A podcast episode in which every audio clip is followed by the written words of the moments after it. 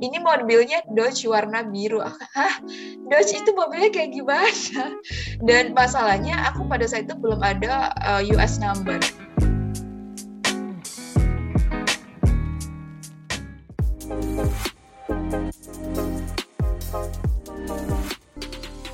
Halo teman-teman pendengar podcast Global Yogurt. Balik lagi nih di episode ke-12. Di episode kali ini kita kedatangan tamu lagi yaitu penerima award di uh, Global Yogurt tahun 2021-2022 yaitu ada Lina Dwi Pratiwi. Hai Lina.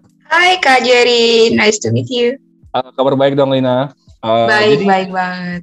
Uh, kan kamu baru nih, boleh dong kita kenal sedikit tentang dirimu. Oke, siap. Uh, halo teman-teman, namaku Lina Dwi Pratiwi, biasa dipanggil Lina. Asalnya dari Trenggalek, Jawa Timur. Uh, kampus asalnya dari Politeknik Elektronika Negeri Surabaya, atau singkatannya PENS. Terus jurusan asal uh, di PENS aku belajar teknik informatika. Dan hmm. di sini aku di placement university-nya di Delta State University, Mississippi. Majornya dapat Computer Information System. Kurang uh, lebih itu ya kak perkenalannya. Ada lagi nggak?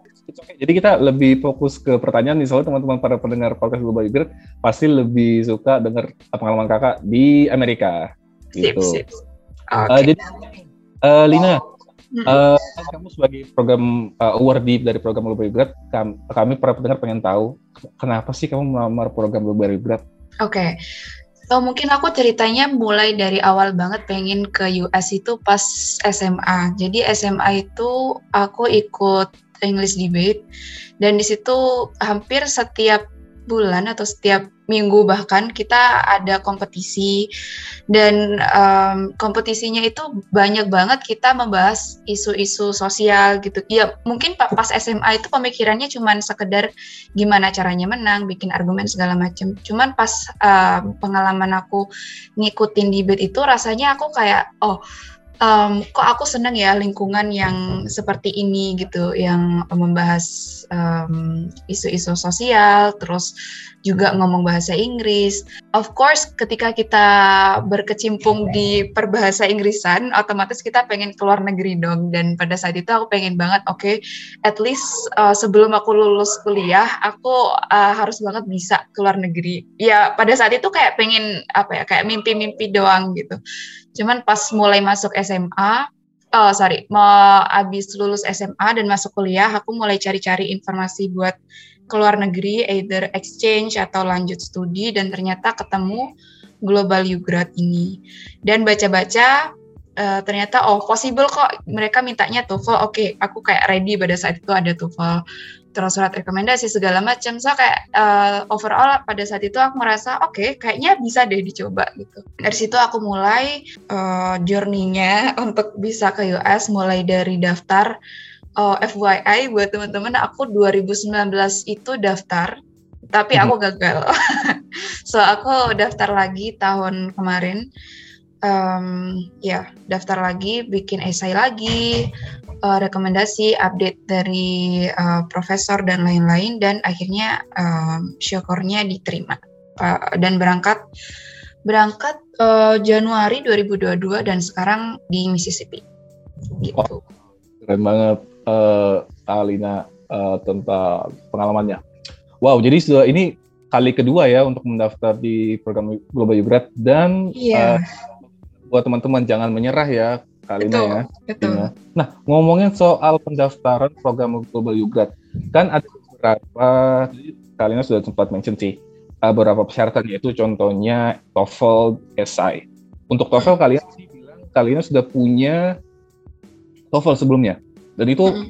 skornya mencukupi 500 uh, dan juga mungkin bisa kalian jelasin ini TOEFL-nya prediction atau yang ATP atau yang yang oh, mana? Oke. Okay.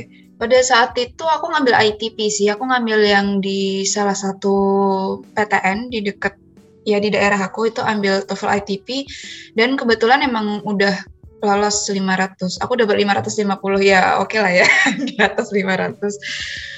Terus oke okay, uh, eh, dan pada saat itu ambilnya dadakan gitu loh jadi kayak saking pengennya saking setelah lihat uh, requirement dan rasanya bisa jadi kayak seminggu atau dua minggu kemudian oke okay, langsung ke tempatnya terus langsung daftar dan gitu aja langsung ambil tesnya dan alhamdulillah um, apa dapat skor yang lumayan di atas uh, threshold. Ya beruntung banget. Jadi beruntung saat banget. Pertama langsung dapat uh, 550 di mana persyaratan dari program Global Yogurt ini adalah minimal 500 ya? Ya, minimal 500. Uh, dan satu lagi tadi Kak Lina mention mengenai esai. Esai hmm. untuk program Global kalau nggak salah membutuhkan dua esai. Nah, di, dari dua esai itu mungkin Kalina bisa ceritain uh, perjalanan Kalina nulis esai itu hingga akhirnya Kakak Samit apakah ada revisi, apakah Kalina ada minta bantuan dari dosen mungkin atau teman untuk memproofreading uh, esai hmm. tersebut? Oke, okay. uh, esainya ini seingat aku ya, uh, mungkin ini agak kebalik atau pokoknya intinya di esai yang pertama itu ngebahas tentang kenapa kita good uh, a good participant untuk Global Yogurt ini. Dan yang kedua itu bahas tentang kalau nggak salah gimana caranya kita ngehandle konflik. Nah di esai yang pertama ini aku uh, ngebahas uh, apa namanya cerita pengalaman aku dari SMA yang uh, dari debate segala macam. So first of all aku mau ceritain kalau esai ini aku dibantu sama coach debate aku SMA.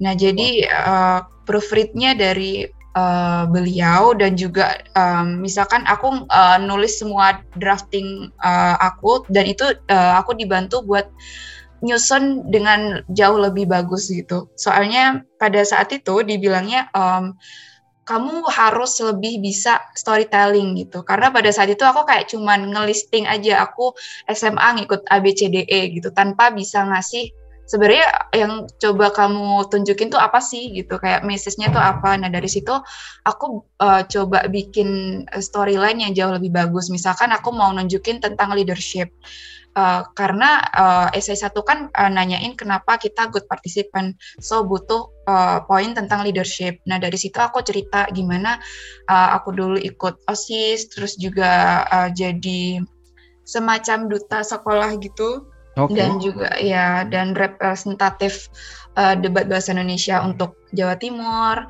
Nah itu kan uh, cukup menunjukkan uh, leadership di situ dan nyeritain uh, gimana aku um, menjalankan tugas di osis. Terus juga nunjukin kegiatan uh, apa aja yang aku lakuin pas debate, misalkan um, kelas jam 7, tapi jam 6 itu udah di sekolah untuk latihan sama coach. Dan setelah uh, kelas juga masih latihan lagi.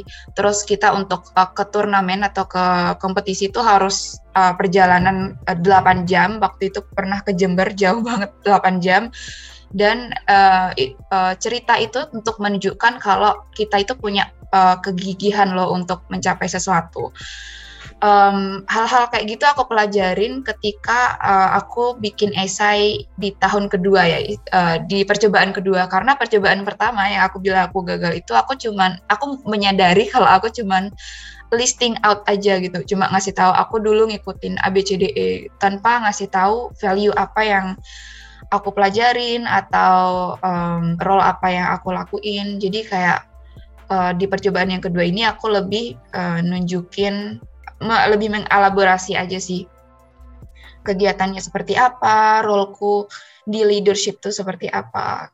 Itu yang di essay pertama, kenapa good, kenapa kita good participant untuk uh, Global Ugrad. Terus kalau untuk essay yang kedua, itu tentang handling conflicts. Nah, aku cerita tentang uh, perjalanan uh, ini cukup uh, common sih. Mungkin banyak juga teman-teman um, yang punya pengalaman gak diterima di kampus ABCDE gitu ya. Terus uh, galau segala macam, gak tahu ambil jurusan apa. Aku salah satu dari orang orang-orang tersebut dan um, kebetulan juga aku diterimanya di IT meskipun aku dulu SMA nggak ada background IT dan nggak tahu ngoding apa whatever.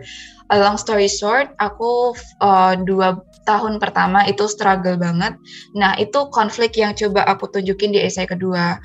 Terus um, aku coba nunjukin cara aku nge-resolve konflik itu. Misalkan aku cerita, aku coba research, coba cari tutorial di YouTube, dengerin podcast, terus de, um, dengar cerita orang-orang, pengalaman mereka, dan um, ternyata aku belajar kalau ternyata orang-orang itu juga misalkan kayak developer mereka tuh juga pernah um, ngerasa burn out gitu. Mereka juga pernah stuck. Akhirnya dari situ aku mulai oke, okay, it's time for me to um, kayak apa ya berusaha lebih keras lagi pasti bisa. Nah pada akhirnya aku ceritain gimana gimana aku dapat first internship, gimana aku nyelesain first project, kayak hal-hal semacam itu yang mulai dari konflik sampai bisa nge-resolve konflik. Nah itu aku ceritain di esai kedua. Intinya uh, di esai kedua ini aku banyak lebih emosional sih kayak uh, berusaha ngasih tahu kalau meskipun nggak ngerasa apa ya nggak ngerasa lebih pintar atau the smartest in the room tapi uh, that does not mean kita nggak bisa improve gitu. So ya itu yang aku coba ceritain di esai kedua.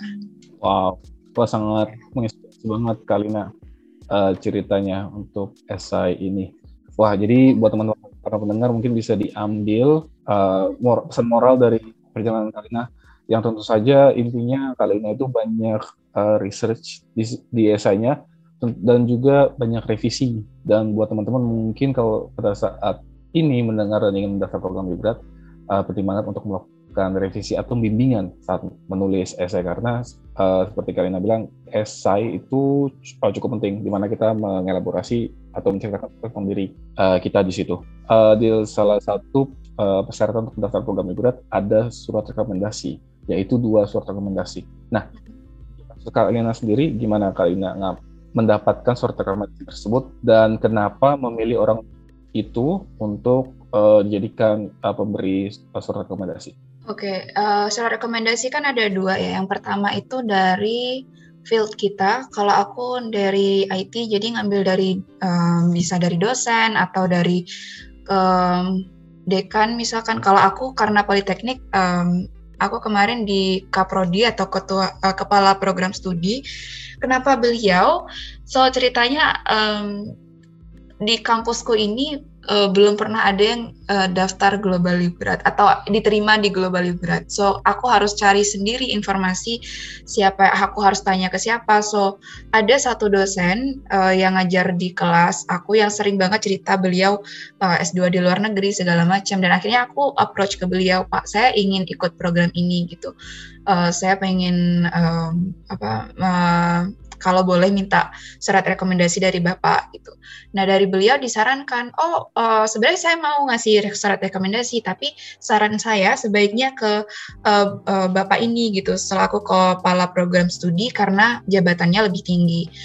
So, akhirnya ya udah aku approach ke um, dosenku ini yang kepala program studi dan ngejelasin uh, ceritanya gimana aku apply, kenapa aku apply dan apa yang dibutuhin. Dan pada saat itu um, uh, aku ngasih apa namanya aku ngasih CV ku aku ngasih esai bahkan. Pokoknya semua persiapan aku itu uh, persiapanku itu aku kasih ke de, uh, ke kaprodiku untuk beliau lihat gitu. Jadi nggak sekedar ngasih surat rekomendasi tapi at least beliau juga tahu um, backgroundku gitu. Akhirnya oke okay, beliau uh, kasih surat rekomendasi dan alhamdulillah um, lancar sih um, surat rekomendasi uh, beliau kasih dan uh, isinya juga um, sesuai dengan apa yang aku harapkan gitu.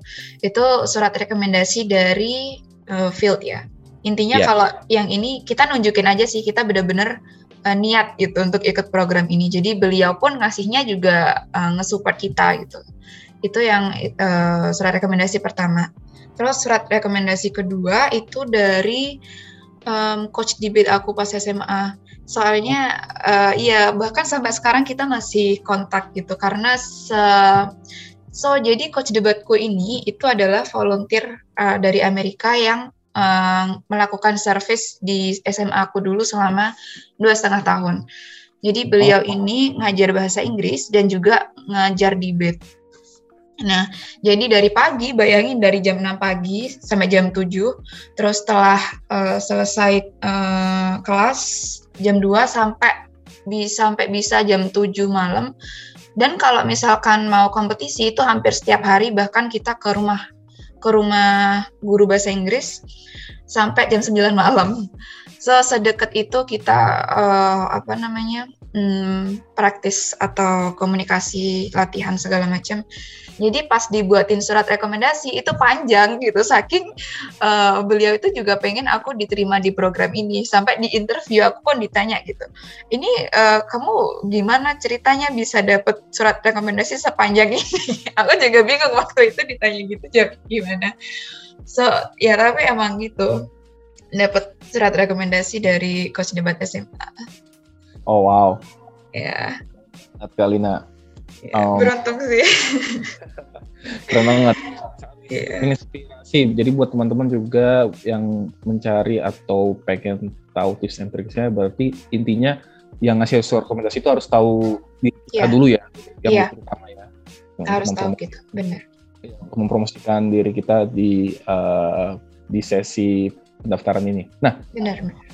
Jadi sudah semua uh, persyaratan sudah dilengkapi. Saatnya upload submit di online form. Yes. Itu gimana dekannya Kalina nungguin sampai akhirnya dipanggil untuk shortlisted uh, interview, uh, online interview. Itu gimana? Oke, okay, jadi uh, submissionnya ini kalau nggak salah di bulan Maret tanggal 15 kalau nggak salah. Uh, pokoknya di bulan Maret itu uh, nge-submit essay, uh, TOEFL segala macam. Nah, terus di saat itu harus menunggu sangat lama sampai uh, 19 April itu uh, interview. Interviewnya di tanggal 19 April dan uh, pengumuman shortlistednya itu tanggal 4 Mei. Jadi bisa dibayangin lama banget nunggunya. Setiap hari kita nge-scroll email Ya, tapi itu bagian dari ini ya, bagian dari perjalanan. Tapi sebelum ke situ, aku pengen nanya, kamu hmm? uh, ini enggak uh, apa ya? Kan ini percobaan kedua ya. Nyangka nggak bakal dipanggil buat shortlisted uh, interview? Enggak, enggak sama sekali. Yang lucu itu um, aku enggak ada niatan buat daftar karena setelah kegagalan pertama aku udah kayak oke okay, mungkin belum saatnya harus lebih prepare segala macam. Enggak ada niatan buat daftar bahkan. Tapi enggak tahu kenapa uh, scroll Instagram terus lihat oh uh, application-nya extended. Bahkan aku enggak tahu yang sebelum extended tuh kapan terakhir um, pengumpulan tuh aku nggak tahu. Aku lihatnya yang extendednya bulan Maret gitu. Terus oh ya udah aku kan udah dapet uh, TOEFL ya sebelumnya udah daftar TOEFL, saya juga udah pernah buat, mungkin tinggal uh, memperbaiki aja. Surat rekomendasi juga tinggal update uh, tanggalnya segala macam. So waktu itu kayak mau nyoba-nyoba aja, akhirnya uh, dicoba-coba dan komunikasi lagi sama uh, Kak Prodi kan karena uh, kita harus ngumpulin dan aku bilang uh, Pak saya mau daftar lagi izin untuk uh, mengumpulkan um, yang tahun lalu surat rekomendasi gitu. Terus beliau bilang oke okay, nggak apa-apa gitu semoga berhasil. Akhirnya pas dikumpulin, uh, alhamdulillah diterima, nggak ada nggak expect sama sekali. Uh, keterima berarti otomatis kamu harus prepare uh, ini dong interview gimana persiapan Oh iya, yeah. wow interview interview aku persiapannya aku cari-cari di YouTube sama di Google sih kayak common interview questions di Global Yunggrad dan di YouTube juga pokoknya cari-cari aja sih uh, list pertanyaan. Lagi-lagi karena aku pada saat itu belum uh, ada apa ya alumni dari kampus yang pernah ke sana Uh, aku sempat tanya-tanya juga ke alumni uh, Global Yugra sebelumnya lewat IG, sangat-sangat membantu teman-teman. Jadi waktu itu juga pernah aku tanya tahun 2019 pada saat itu kak, kalau masih inget, but ya, um, iya mungkin udah lupa, but ya aku tanya um, interviewnya tentang apa, itu sangat membantu sih. Dan uh, pertanyaannya emang nggak jauh dari uh, kenapa pengen ikut program ini terus is that okay kalau ini non degree program, terus rencana ke depan, kurang lebih kayak gitu sih. Oke, okay. uh, eh, itu proses interview tadi dan akhirnya muncul uh, buat informasi ke teman-teman juga ada um, finalis sama alternate candidate. Nah itu uh, kamu nyangka gak, Lina, kamu masuk dari salah satu salah satu grup itu? Nggak nyangka banget. Bahkan sampai pengumuman finalis pun aku masih ini beneran nggak sih? Aku sampai email mereka kayak finalis ini tuh maksudnya apa nih? ini udah pasti berangkat atau masih mau di uh, seleksi lagi gitu kan? Dan uh, iya, aku sampai email mereka gitu. Soalnya uh, kita sempat bikin grup uh, Vina kalau nggak salah salah satu uh, awardee juga itu um, uh, kontak Anak -anak. aku gitu ha, ada grup nih kita uh, mau diskusi bareng-bareng biar saling tahu informasi gitu kan terus di grup itu ada sekitar 15 ya sekitar 13 sampai 15 orang dan tahun eh, tahun-tahun sebelumnya kan 5 sampai 6 orang aja dan makanya aku bingung ini finalis ini masih oh, masih oh, iya. iya iya kan soalnya dua kali lipat so iya akhirnya muncul pengumuman itu gimana perasaanmu Lina?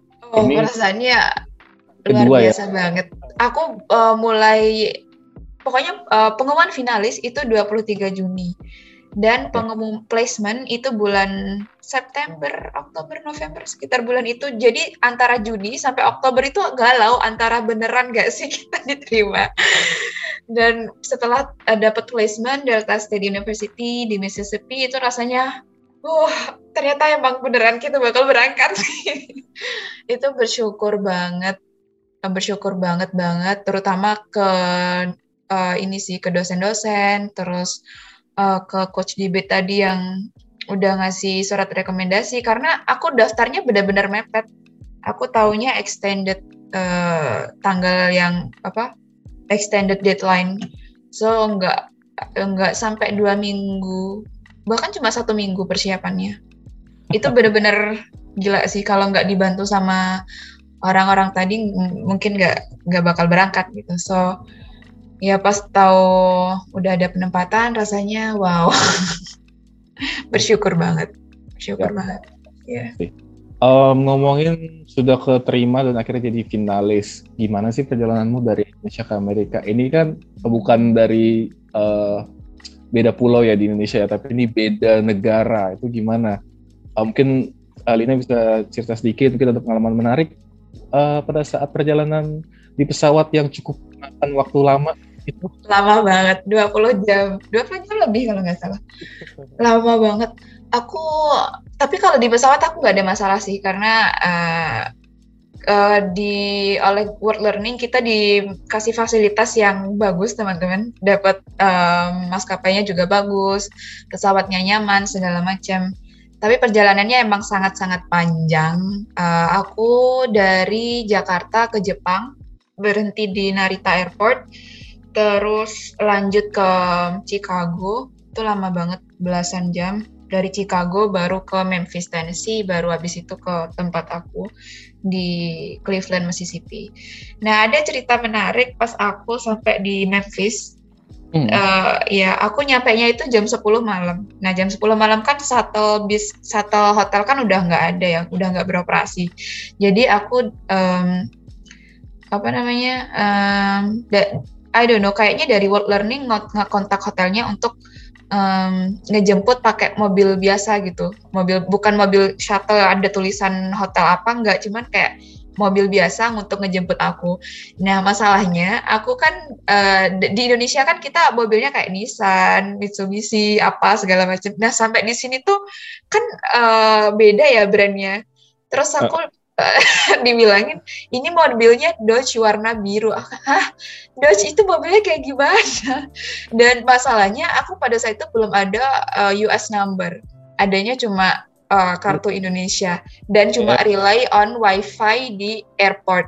Nah, masalahnya kalau um, apa namanya tempat nunggu mobil itu kan di lantai dua agak keluar. Nah kalau aku keluar tuh internetnya mati. nah kalau aku ke dalam itu aku nggak bisa ngelihat mobilnya, so aku bingung banget pada saat itu gimana nih. Dan aku rada shocknya juga. Aku kan kan dingin banget ya, dingin banget banget uh, dan malam hari. Dan pada saat itu saking uh, desperate-nya, aku ngerasa oke okay, mungkin mereka bingung nyariin aku So aku copot jaket, aku pakai kaos Aminef dan juga pakai tas Aminef. So dengan harapan mereka bisa nyari aku dan nemuin aku gitu kan. Dan ternyata Zong, aku expectnya kayak Grab di Indo gitu ya, mereka bakal nyari kita. Ini Balina bukan? Ternyata di sini gak gitu. Itu uh, culture shock juga di sini kayak uh, mereka cuma nunggu di mobil aja sampai kita approach mereka. Dan oh. kayak aku ah. tadi bilang, aku nggak tahu mobilnya itu yang mana. ya.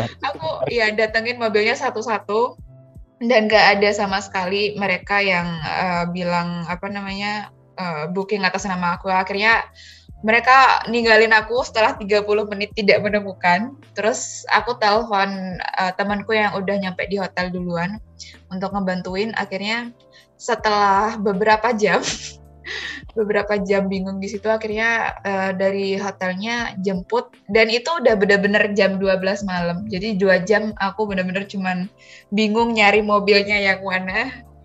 Dan ya untungnya masih berbaik hati sih pihak hotelnya masih mau jemput. Walaupun ya itu tadi. Tapi aneh sih sebenarnya. Tapi kamu menurutku beruntung ya. Iya. karena ada kamu seangkat apa ini seangkatan kayak satu grade gitu ya uh, satu Yugrat di kampus yang sama. Ya beruntung sih. Soalnya kalau nggak ada orang yang di sisi apa di di di sisi lain di sisi hotel sana yang masih cari lagi dong si Lina. Siapa tahu dia keluyuran di Patla gitu kan. Iya aku shock banget. Itu udah parah banget. Oh aku juga sempet ini saking desperate-nya karena udah ditinggalin. Aku cari taksi sendiri dan uh, cari taksi dan aku bilang aku mau ke hotel ini udah aku tunjukin addressnya foto segala macam. Dan ternyata masih ke ini dong masih apa namanya ke alamat yang salah. Padahal udah aku tunjukin uh, addressnya dan juga apa namanya uh, bentuk hotelnya. Tetap tetap salah alamat gitu si pak taksi ini. Entah ada apa di hari itu but yeah that happens. Tapi at least aku uh, ke hotel uh, walaupun hotelnya salah, at least aku dapat wifi yang nggak perlu bolak-balik masuk keluar airport dan akhirnya aku kontak hotel yang benar dan akhirnya mereka jemput. It, wow. it was really capek banget. Tapi akhirnya setelah dari situ uh, akhirnya bisa tidur ya pada akhirnya ya. Iya. Yeah. Oh enggak enggak enggak bisa tidur serius enggak bisa tidur. Jet lag sampai jam 6 pagi jet lag. Wow ya. Gimana yeah. itu it's a real problem ya apalagi kalau misalnya kita beda time zone ya bener bener. Ya mungkin teman-teman bakal mengalami pengalaman seperti itu. Dan pengalaman juga uh, mungkin biar apa lebih research kayak model-model mobil di US biar nggak kaget kayak aku dibilang Dodge I don't know Dodge kayak gimana. Ya. Yeah. oke. okay kita udah dengerin ceritanya Kalina yang cukup menarik, uh, penuh yeah. perjuangan, pe penuh uh, kebingungan, mungkin sedikit ketidakpastian istilahnya. Uh, jadi setelah dari itu, apakah akhirnya besok paginya kamu bisa ke kampusmu akhirnya? Oh ya, di uh, kampusnya ngejemput sih, ngejemput di hotel. Dan uh, itu gitu atau kamu kan ini kita ngomongin kamu daftar, sorry uh, ditempatin di universitas universitas di mana itu kondisi masih pandemi covid. Apakah kamu di karantina dulu atau apa atau seperti apa? Oh enggak sih enggak sih enggak di karantina dulu langsung. Soalnya juga pada saat aku datang itu kan uh, mahasiswanya masih belum di kampus juga belum di dorm. Jadi sepi banget kampusnya. Dan cuman staff-staff aja yang di situ. So kita langsung ke dorm um, langsung aja aktivitas biasa uh, dan beberapa hari kemudian langsung masuk kelas. Tapi ngomongin tentang karantina di uh, dua minggu atau tiga minggu setelah sampai di sini itu aku kena covid. Oh wow. aku kena covid. Ah, so ada uh, ada empat orang. Um, ya ada empat orang Ugrad di sini, Ugraders di sini. Itu yang kena aku dan satu lagi temanku uh, yang sekarang udah balik ke negaranya, udah nggak ngelanjutin New lagi karena ada masalah um, I don't know family gitu ada uh, ya personal reasons. Nah di antara semua orang itu aku kena. Padahal kita makannya bareng ke mana-mana bareng gitu. But ya yeah, aku kena. Dan barengan satu ruangan sama temanku yang dari Montenegro yang sekarang udah balik kita satu minggu satu minggu lebih bahkan satu minggu lebih di tempat karantina dan oh my god itu rasanya gak enak banget. Banget ya? Nggak enak banget. Uh, karena ya namanya juga karantina ya nggak boleh ke mana-mana dan yeah. ya. Kamar doang. Iya so it was quite an experience sampai sini karantina but okay. Tapi itu okay lah. iya. Itu perjuangan uh, di masa pandemi ini ya kan uh, kita nggak mungkin juga karena kan kamu juga istilahnya kan kita manusia juga bersosialisasi pasti ada kontak fisik dan segala macamnya kan ya. Iya. Ngomongin uh, kamu yang sudah ada di kampusmu di Amerika bisa cerita sedikit Lina kamu di sana ambil mata kuliah apa dan kenapa kamu ambil mata kuliah itu? Hmm, oke. Okay. Uh, aku ambil mata kuliah ada aku ambil 13 kredit. ada lima mata kuliah, ada satu sih yang cuma satu kredit ini hmm, beginning swimming, jadi kayak apa renang kelas renang. Aku ambil ini cuma just for fun. Ada teman temanku Yugrat kayak ngajakin e, mau nggak ikut kelas swimming just for fun? Karena yang lain kelasnya kan kayak berat segala macam. So kayak oke. Okay. dan ternyata emang seru sih kelas uh, swimming ini.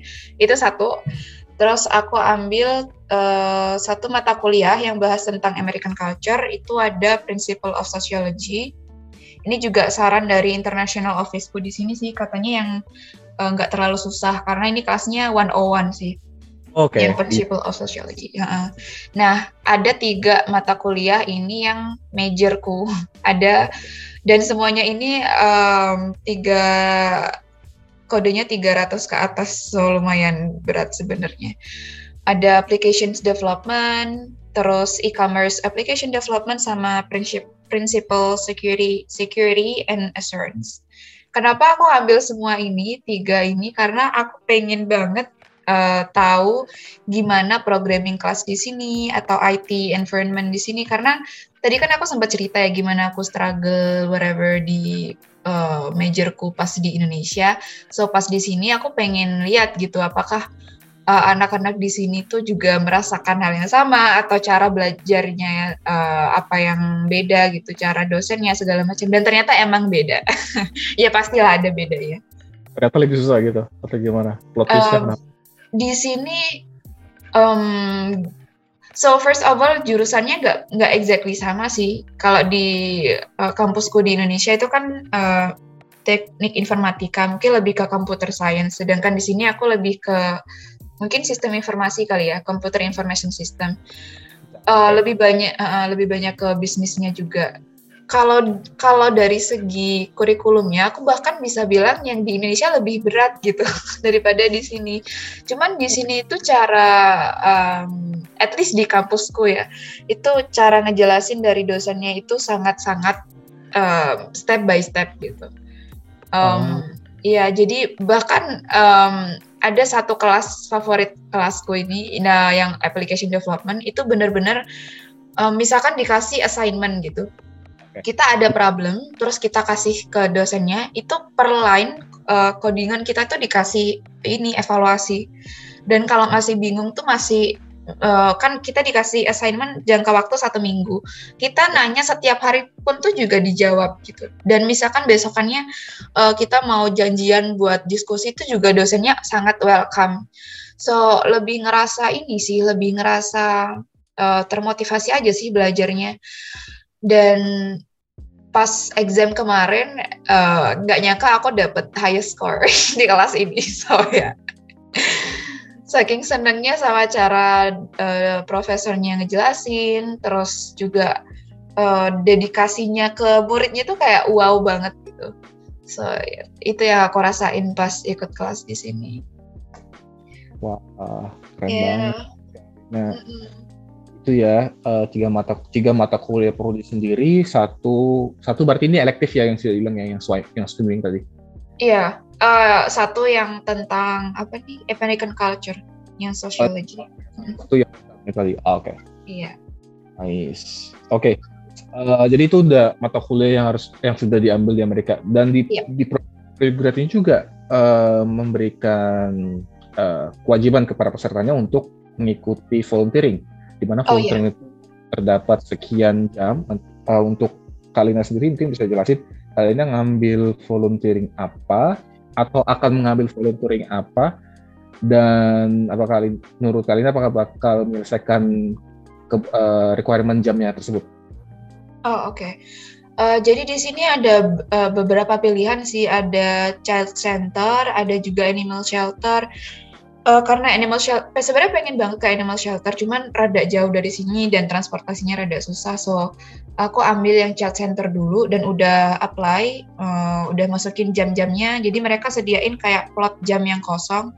So kita tinggal masukin nama di situ dan kita uh, bisa hitung dalam berapa minggu kita bisa uh, nyelesain 20 uh, 20 jam ya, 20 jam volunteering itu.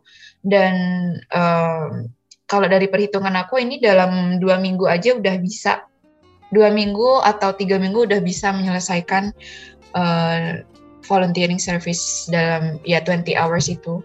So uh, kalau dan ini bantuan dari kampus juga sih. Jadi hmm, aku tanya ke international office apa pilihan volunteering yang ada dan mereka bilang uh, mereka kasih list ada animal shelter, ada child center dan bahkan temanku ini ada yang ikut uh, missionaries. Jadi um, mungkin teman-teman yang Christian itu bisa ikut uh, ada activity kayak missionary, mereka pergi ke suatu tempat uh, doing volunteering. Nah itu dia bakal berangkat di spring break ke San, Francisco kalau nggak salah. Jadi bakal ngebantu uh, kayak bagi-bagi makanan, terus social activities, dan itu udah bahkan lebih dari 20 jam selama spring break itu. So itu bisa juga jadi option. Wah, wow, ya. Dan untuk untuk uh, dirimu sendiri kamu bakal menurut kamu bakal nyelesain itu aja yang aku ngambil yang chat center uh, chat center itu untuk ambil amannya karena aku udah hitung 20 jam itu bisa cuman aku juga pengen banget bisa ke animal shelter okay. uh, eh, depannya ya aku, aku tadi uh, mikir siapa tahu kamu punya pengen coba yang lain gitu kan untuk di Amerika gitu Coba. iya sebenarnya pengen banget cuman ya itu tadi sih transportasi. Tapi kalau emang ada opportunity dan um, I don't know sebenarnya pengen banget kayak misalkan cancer orang yang disability gitu-gitu pengen banget sih sebenarnya uh, apa involve di situ. Ya semoga sih bisa nemu. Uh, biasanya sih di kampus biasanya ada kayak uh, community engagement gitu kantor kantor community engagement yang ngasih daftar forward forward jadi tapi aku nggak tahu kalau di kampus mau ada, ada atau enggak Iya, aku coba, aku mau coba cari info lebih lanjut juga. Atau kayak pakai website apa gitu kadang tersedia di kota tapi di kotamu sedihnya yaitu transportasinya yang nggak ada. Iya. Iya. Benar. Oke kalau kita ngomongin kita ngomongin perkuliahan selama di Amerika Kalina. Jadi mm mungkin kalian bisa gambar sedikit in general boleh spe, boleh sedikit spesifik uh, selama selama Kalina di Amerika gimana sih? Apa sih perbedaannya yang kentara gitu? Uh, saat berkuliah di Indonesia uh, dan saat sekarang di Amerika gitu. Mungkin dari culture-nya dari mungkin tadi kali ini juga sempat uh, sempat bilang ke kita uh, do, gimana, gimana interaksi dosen mahasiswanya cukup berbeda tapi mungkin ke ini ada cerita lain yang ngasih hmm. gambar gambaran itu khususnya mungkin sedikit jelasin tentang culture shock-nya kegiatan sehari-hari uh, uh, sebagai mahasiswa lah gitu uh, mungkin yang di cover oleh program ini mungkin itu. Hmm. Oke, okay.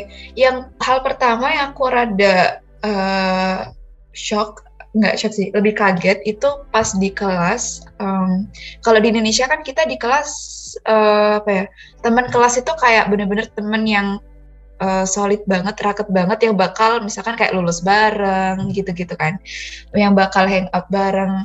Kalau di sini teman kelas itu misalkan kita masuk kelas, kita belajar masing-masing, diskusi emang tetap berjalan sih diskusi. Cuman setelah itu ya udah mereka ke kegiatan masing-masing gitu dan mereka perkumpulannya instead of classmates itu lebih kayak misalkan uh, sesama athletes atau misalkan sesama komunitas apa gitu. Jadi circle pertemanannya mereka tuh lebih ke uh, itu sih kayak komunitas atau organisasi instead of teman kelas. Jadi aku rada kaget ini kelasku aja yang bener diem-dieman gini atau semuanya dan ternyata aku tanya ke teman-temanku emang kayak gitu di kelas ya ya ini aja gitu untuk uh, belajar aja.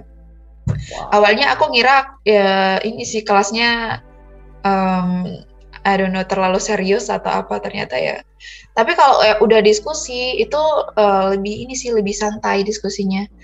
Biasanya kan nggak uh, tahu ya kalau teman-teman kalau aku di Indo biasanya kalau ada diskusi kadang ada pertanyaan itu biasanya diam dan mungkin cuma beberapa orang yang uh, mau diskusi. Tapi kalau di sini diskusinya lebih santai kayak kita hangout aja kayak kayak uh, kelasku sosiologi itu misalkan dosennya ngebahas um, tentang American culture yang I don't know yang uh, hidupnya uh, uh, udah move out dari umur 18 tahun itu tiba-tiba ada aja gitu yang raise hand dan bilang uh, pengalamannya dia pribadi.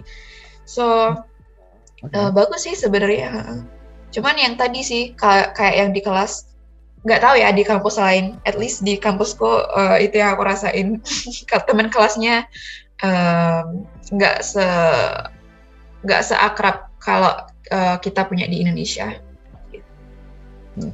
Uh, gimana dengan akomodasinya? Gimana perkuliahanmu di sana? Kayak uh, kamu ngekos atau atau gimana? Uh, apakah dapat uang jajan atau? Oh oke. Okay kalau di sini aku dapat dorm dan dormnya lumayan gede sih lumayan ruangannya. Sebenarnya harusnya ini tuh untuk dua orang cuman uh, aku nggak dapat roommate karena di sini tuh uh, diwajibin di dorm itu untuk freshman aja kalau nggak salah.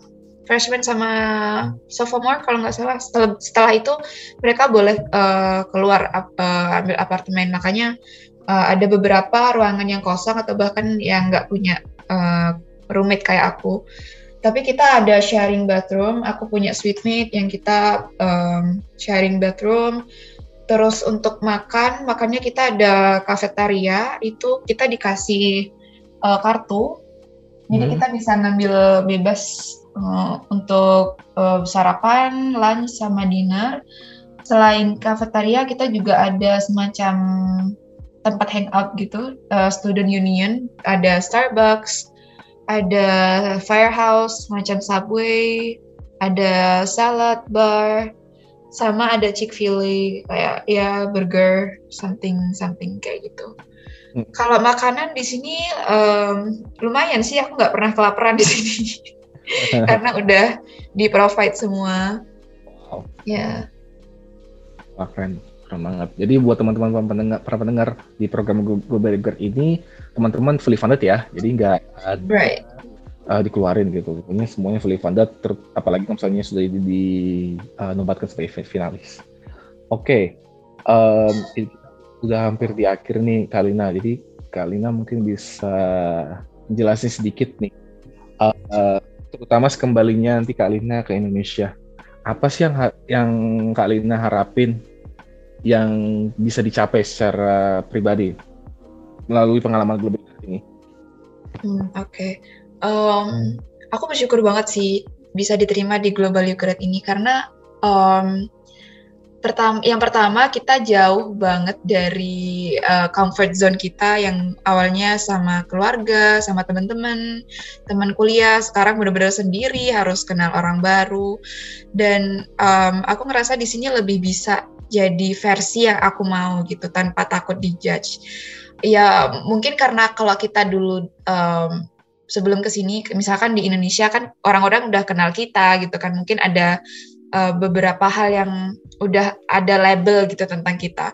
Nah kalau di sini tuh aku lebih bisa jadi versi yang aku mau gitu. Aku banyak banget explore hal baru di sini, lebih kenal diri sendiri dan banyak banget belajar dari teman-teman di sini. Terutama um, mereka tuh benar-benar mandiri gitu. Um, dalam dalam banyak hal, terutama ketika mereka udah uh, hidup sendiri dan mencukupi uh, kebutuhan hidup mereka sendiri. Nah itu aku belajar banyak banget dari mereka dan harapannya ke depannya setelah aku ngelihat teman-teman di sini dan uh, ngelihat kemandirian mereka, harapannya aku juga ke depannya bisa um, bisa juga semandiri itu gitu dan juga bisa uh, berjuang ngedapetin yang aku mau dan uh, itu jadi motivasi diri gitu biar uh, bisa juga jadi lebih independen itu kalau um, harapan secara pribadi ya.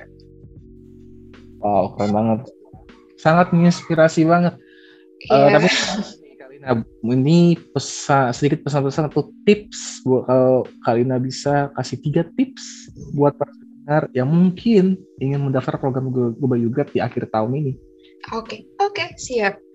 Oke, okay, teman-teman kalau mau daftar Global Yogurt, aku saranin banget coba aja apa pun keraguan di diri teman-teman misalkan merasa nggak ada prestasi menurutku prestasi itu nggak perlu dalam bentuk piala atau penghargaan gitu bahkan uh, misalkan teman-teman uh, ikut kegiatan ya udah ceritain aja kegiatannya apa. Soalnya kayak the fact that you apply pasti kan uh, ada kemauan untuk belajar gitu kan. Ada kemauan pengen diterima nih. Berarti uh, nunjukin kalau teman-temanku sebenarnya terbuka akan challenge terbuka akan opportunity. Nah jadi yakin aja gitu pasti ada at least hal yang teman-teman lakuin meskipun bukan dalam bentuk piala atau penghargaan uh, ada um, apa ya effort atau role yang teman-teman lakuin yang bisa jadi um, suatu cerita yang bisa teman-teman masukin di esai yang semoga bisa jadi alasan untuk diterima. Dan misalkan teman-teman bilang, oh aku nggak jago bahasa Inggris, temanku ada um, uh, awardee yang uh, harus ngambil IBT lagi, tapi dia udah diterima uh, meaning bahasa Inggris itu bukan jadi alasan. Misalkan emang ngerasa belum jago bahasa Inggris, ya udah nggak apa-apa gitu, tetap daftar dan selama waktu itu juga harus um, berkomitmen untuk misalkan uh, belajar bahasa Inggris uh, lebih bagus gitu kan, apa pun itu effortnya. Sesimpel um, uh, translate lagu kah atau nonton YouTube. Intinya jangan uh, ragu dulu atas apa yang kita punya pada saat itu karena uh, waktu kan terus berjalan gitu dan tetap ada waktu untuk kita buat improve. So uh, coba aja, nggak ada yang sia-sia. Put an effort dan yakin sama diri sendiri pasti bisa. Itu wow. dari aku. Keren banget Kalina, thank you banget Kalina. Dan thank buat teman-teman pendengar yang lagi dengerin episode kali ini, uh, kami juga pengen ingatin kalau program program Global Yoga selalu dibuka di setiap tahun. Biasanya pendaftarannya di akhir tahun, yaitu di bulan November dan Desember teman-teman bisa cek website resminya di ania.or.id atau cek ke IG-nya di Fulbright Indonesia. Di situ bakal uh, terlihat jelas ya, uh, informasi terbaru, persyaratan dan kurang lebih persyaratannya sama ya kalinya ya setiap tahunnya ya. ya. Sama. Hmm. Seperti itu. Jadi buat teman-teman yang pengen mendaftar dan atau mungkin perlu guidance, mungkin kalinya open boleh, buat. Boleh, boleh, banget. Oke. Okay. Um, uh, kalau mungkin Kalina bisa nge-share IG-nya mungkin if you don't mind gitu. Uh, aku lebih ini sih lebih seringnya buka email karena aku juga aja ya tapi boleh boleh boleh uh, boleh di nanti aku kirim ke Kak Jerry karena kalau IG aku bahkan lupa nama IG aku apa tapi kalau di email itu pratiwilinadwi@gmail.com itu aku um, lebih cepat balasnya di situ. Oke, okay. thank you. Itu buat teman-teman yang mendengar uh, bakal ada di deskripsi episode kali ini. Baik, itu saja. Uh, terima kasih Lina uh, udah mau menceritakan pengalamannya selama program Global Yoga terutama di awal pendaftaran hingga sekarang menjadi uh, worthy. Uh, iya, buat, makasih juga iya kak. Siap. Uh, good luck ya buat aplikasi yang mau mendaftar. Again, see you guys next episode karena bakal banyak teman-teman yang lain lagi nih. Kalau seperti Kalina bilang, sekitar 12 orang nih yang bakal. Iya, banyak banget tahun ini benar. Iya. Oke, sampai jumpa semuanya. Good luck. Semoga semua mimpi-mimpinya tercapai. Goodbye. Bye.